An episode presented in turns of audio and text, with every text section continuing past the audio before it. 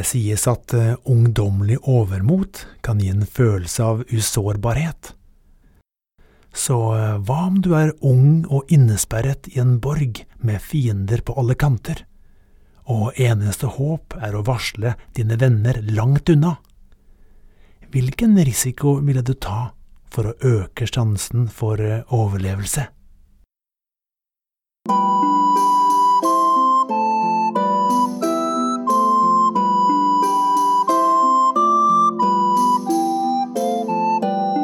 Velkommen til Helter og legender fra antikken, en eh, podkast for alle. Episode 29, Neiden, del to av tre. I forrige episode forlot vi Eneas og hans følgesvenner med kurs for Italia. Flere år har gått siden de forlot sin hjemby Troja, og ennå er de for et slags båtflyktninger å regne, uten et fast tilholdssted og uten en trygg framtid. Når de får øye på Italias kyster, vokser håpet i dem. De vet at det er gudenes vilje at de skal nettopp dit, og de har ingen plan B for sin framtidige tilværelse. Men eh, hvilke farer vil de møte, og vil de fastboende ta godt imot dem? Når de gjør strandhogg like ved Napoli, møter de heldigvis ingen motstand, og Eneas oppsøker et tempel for å be om tillatelse til å etablere seg i Latium. Prestinnen der advarer om at kamper i samme skala som trojanerkrigen venter. Eneas blir neppe særlig oppløftet av profetier som denne, men eh, han får også instruksjoner for hvordan han skal komme seg til underverdenen for å møte sin avdøde far og der motta anvisninger om hva han skal gjøre videre. Snart ledsager prestinnen han nedover dunkle korridorer i jordas indre. Etter å ha gått gjennom en port står de i et dystert og tåkete landskap og skuer utover elva Archeron, som er skillet mellom de levendes og dødes verden. Noen døde sjeler oppholder seg ved fergeleiet. Fortvilelsen står skrevet i ansiktene deres. Fergemannen Karon forklarer at dette er sjeler som ikke har fått en skikkelig begravelse. De nektes derfor inntreden i dødsriket. Til sin store sorg ser Eneas en av sine avdøde venner blant sjelene, men det er intet han kan gjøre. Eneas får tillatelse til å gå om bord, og når han nærmer seg den andre bredden, hører han klagingen fra tusenvis av døde sjeler. Vel i land får han øye på Dido, og han prøver å snakke med henne. Han vil gjerne formidle at han er lei seg for det som hendte i Kartago. Men Dido vender seg vekk fra ham, og Eneas, full av medynk, klarer ikke å holde tårene tilbake. Ferden går videre, og etter en stund kommer de forbi en stor borg, hvor det høres redselsfulle skrik og fryktelig jammer. Eneas blir fortalt at det er der de verste synderne får utdelt sine dommer, og at grusom tortur utføres. Etter dette kommer de til de velsignede engene, hvor de som levde rettskafne liv og utførte gode gjerninger, nå tilbringer en behagelig og bekymringsløs tilværelse. Og endelig treffer Eneas sin far, Anchises. Det blir et hjertelig gjensyn, og faren svarer villig på alle spørsmål om de dødes verden. Men eh, tiden begynner å bli knapp og Eneas ønsker først og fremst å vite hva som vil bli trojanernes videre skjebne i Italia. Det Anchises forteller, er sjelsettende, og med ett innser Eneas at oppgavene som venter, er formidable. For ikke bare skal de etablere seg i det nye landet, de skal også fremskaffe en ny leder, Romulus, som skal grunnlegge Roma og byen Roma skal nå en gyllen æra, og en keiser skal herske over hele verden.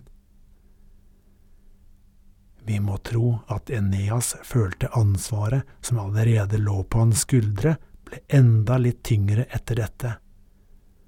Det er jo bra med klarhet i hva som ventes av en, men eh, når forventningen er at du skal gi opphav til en ny by med verdensherredømme, blir det kanskje litt mye? Det er likevel med ny besluttsomhet at Eneas kommer tilbake til det levendes verden. Snart seiler de nordover langs kysten og gjør strandhogg hvor elven Tiber renner ut i havet. Heller ikke her møter de motstand av noe slag, og takket være en godt informert halvgudinne, en muse, får Eneas oversikt over maktforholdene i området. I Latium er det kong Latinus som hersker. Han er på mange vis en fornuftig konge, og han har en datter, Lavinia, som er i gifteferdig alder. Det er mange beilere som ønsker hennes hånd, men den som ligger aller best an, er Turnus, som både er hersker over et kongedømme i nærheten og en fryktet kriger. Likevel, kong Latinus har rådført seg med et orakel som ga klart råd om at hans datter bør giftes bort til en utlending, ikke en mann fra Latium. Imens, nede ved havet, bestemmer Enea seg for å sende bud til kongen for å be om et landområde hvor trojanerne kan bygge en ny by. De blir glade når de får beskjed tilbake om at jo da, de kan få et landområde. Men det er ikke bare land kongen vil forære. I tillegg tilbyr han Eneas sin datters hånd i ekteskap. Kong Latinus er ikke dum, og vet nok når han skal ta en profeti på alvor, og akseptere skjebnen selv om det betyr å gi trojanerne alle muligheter for å vokse seg store og sterke, er det tryggere enn å yte motstand. Men det er noen som slett ikke liker denne utviklingen og det er Juno. Hun har ikke klart å hindre trojanerne i å nå Italia, selv om hun har provosert fram både fryktelig uvær og benyttet en rekke tjuvtriks. Hun var naturligvis involvert i affæren mellom Eneas og Dido, som kraftig forsinket avreisen fra Kartago. Så Juno setter i gang et utspekulert spill Kanskje vil hun ikke greie å hindre trojanerne i å grunnlegge sin by, men i det minste skal hun påføre dem så mye lidelse som overhodet mulig. Så hun sender en hjelper ned til kong Latinus' ektefelle, selveste dronningen, med oppgave å forgifte tankene hennes når det gjelder planene om ekteskap mellom kongsdatteren og Eneas. Dette lykkes til alt overmål, og snart er dronningen en rasende motstander av kongens plan. Junos onde hjelper oppsøker deretter Turnus og oppildner ham til å ta affære.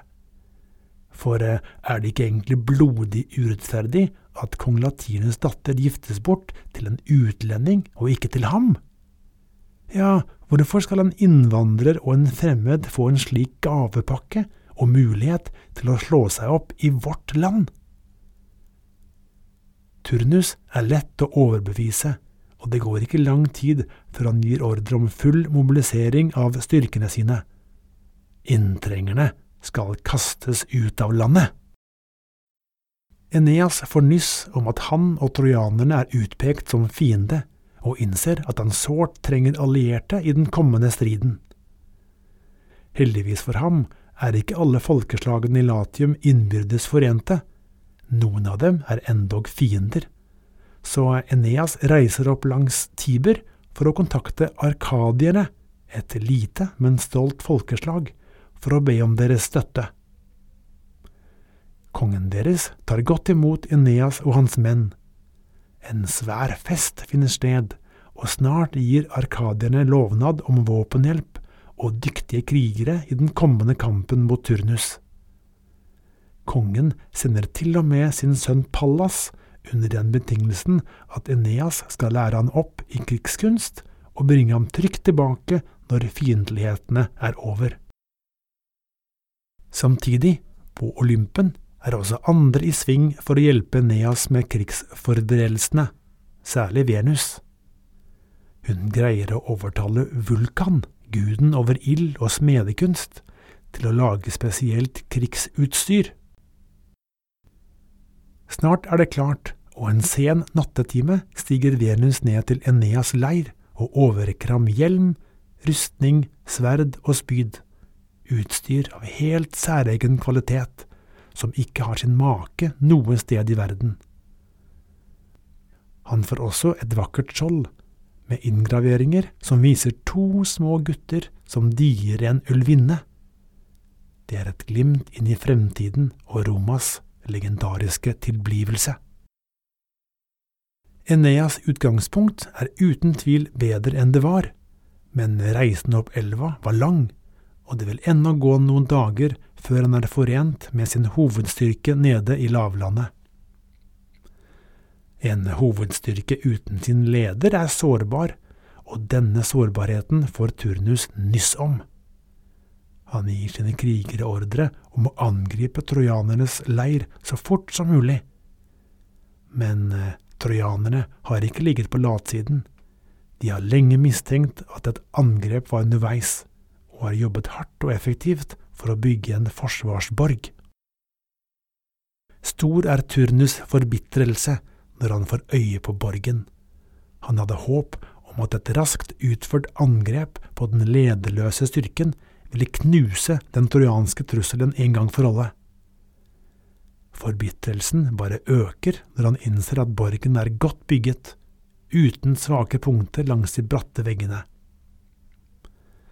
Rasende beordrer Turnus sine menn ned til havet, hvor trojanernes flåte er fortøyd. Kanskje må han utsette angrepet på borgen, men i det minste kan han brenne alle fiendenes skip. Men igjen skjer noe uventet. Når skipene vel er stukket i brann, forsvinner de plutselig under vannflaten, for så å poppe opp igjen i form av havfruer. Ja, du hørte riktig, havfruer. Turnus blir sjokkert av dette synet, og han forstår at det er gudebestemt magi på gang. Men besluttsomheten hans vakler ikke en tomme. Dessuten, havfruer vil neppe være av særlig stor nytte for trojanere, de kan i hvert fall ikke seiles med. Med bister mine returnerer han med sine menn til trojanernes borg og starter beleiringen, fast bestemt på å knuse fienden med alle tilgjengelige midler, om det så må omfatte uhyrligheter. Inne i borgen er stemningen preget av nervøsitet. Eneas er ennå langt unna, og uten forsterkninger vil de stå svakt i kampen mot latinerne. Det må gis beskjed om hvordan situasjonen står. To unge og modige trojanere tar på seg det livsfarlige oppdraget med å snike seg ut og krysse fiendens linjer. Under dekke av natt lister de seg ut, og snart befinner de seg ved fiendens leir inne i skogen hvor latinerne er falt i søvn alle som én. Preget av ungdommelig overmot sniker de seg ikke simpelthen videre, men gyver isteden løs med sverdene og dreper flere latinere. Kampen er intens, men oddsene er ikke på de to trojanernes side. Da den ene unggutten prøver å stikke av med den flotte hjelmen til en latinsk kaptein, tar det hele en brå slutt. De to våghalsene drepes skånelsesløst. Men eh, latinerne nøyer seg ikke med det. De setter guttenes hoder på staker og paraderer dem foran trojanernes borgmur. Det er et grusomt syn, og trojanerne fortviler. Det er nå klart for alle at krigen kommer til å bli en svært brutal affære. Så angriper Turnus og hans latinere. De stormer frem med skjoldene høyt hevet, noen av dem har klargjort brennende piler. Selv om trojanere biter godt fra seg og lar det regne med spyd, klarer de ikke å hindre at et vakttårn stikkes i brann og kollapser. Flere av forsvarerne dør i flammehavet. Situasjonen ser stygg ut for trojanerne, som kjenner panikken komme krypende. Skal eventyret i Italia ende allerede her? Og hvor i all verden er lederen deres, Eneas? Trojanerne må satse høyt. De åpner porten og strømmer ut for å bringe kampen dit hvor fienden står som tettest. Dette kommer overraskende på latinerne, og mange av dem hogges ned før de rekker å reagere. Men så kaster selveste Turnus seg inn i striden, og som en dødbringende maskin maler han seg vei gjennom de trojanske rekkene. Flere titalls krigere faller for hans bloddryppende sverd. Til slutt blir han trengt opp i et hjørne, men han unnslipper ved å kaste seg i elva og svømme over til sikkerheten på den andre siden. Det første slaget er over, med store tap på begge sider. Ingen av partene har triumfert, men de som er under størst press, er uten tvil trojanere. Imens, på Olympen, bryter det ut en skikkelig krangel. Venus beskylder Juno for å påføre trojanerne lidelse etter lidelse. Juno svarer iltert at det jo ikke var hun som tvang Eneas til å dra til Italia. Jupiter, sjefen over alle sjefer, er lei hele greia. Han hadde egentlig sett for seg at trojanerne ville etablere seg i Italia på fredelig vis, men nå var det jo et vilt kaos der nede. Han sier han ikke gidder å engasjere seg mer. Fra nå av får menneskene selv ordne opp i rotet de har stelt i stand. Vi forlater guder og mennesker der. Kampen mellom nykomlingene fra Troja og latinere er for lengst i gang men utfallet er langt fra gitt. Fortsettelsen blir nervepirrende, så følg med i neste episode av Helter og legender fra antikken, en podkast for alle. Ha det godt!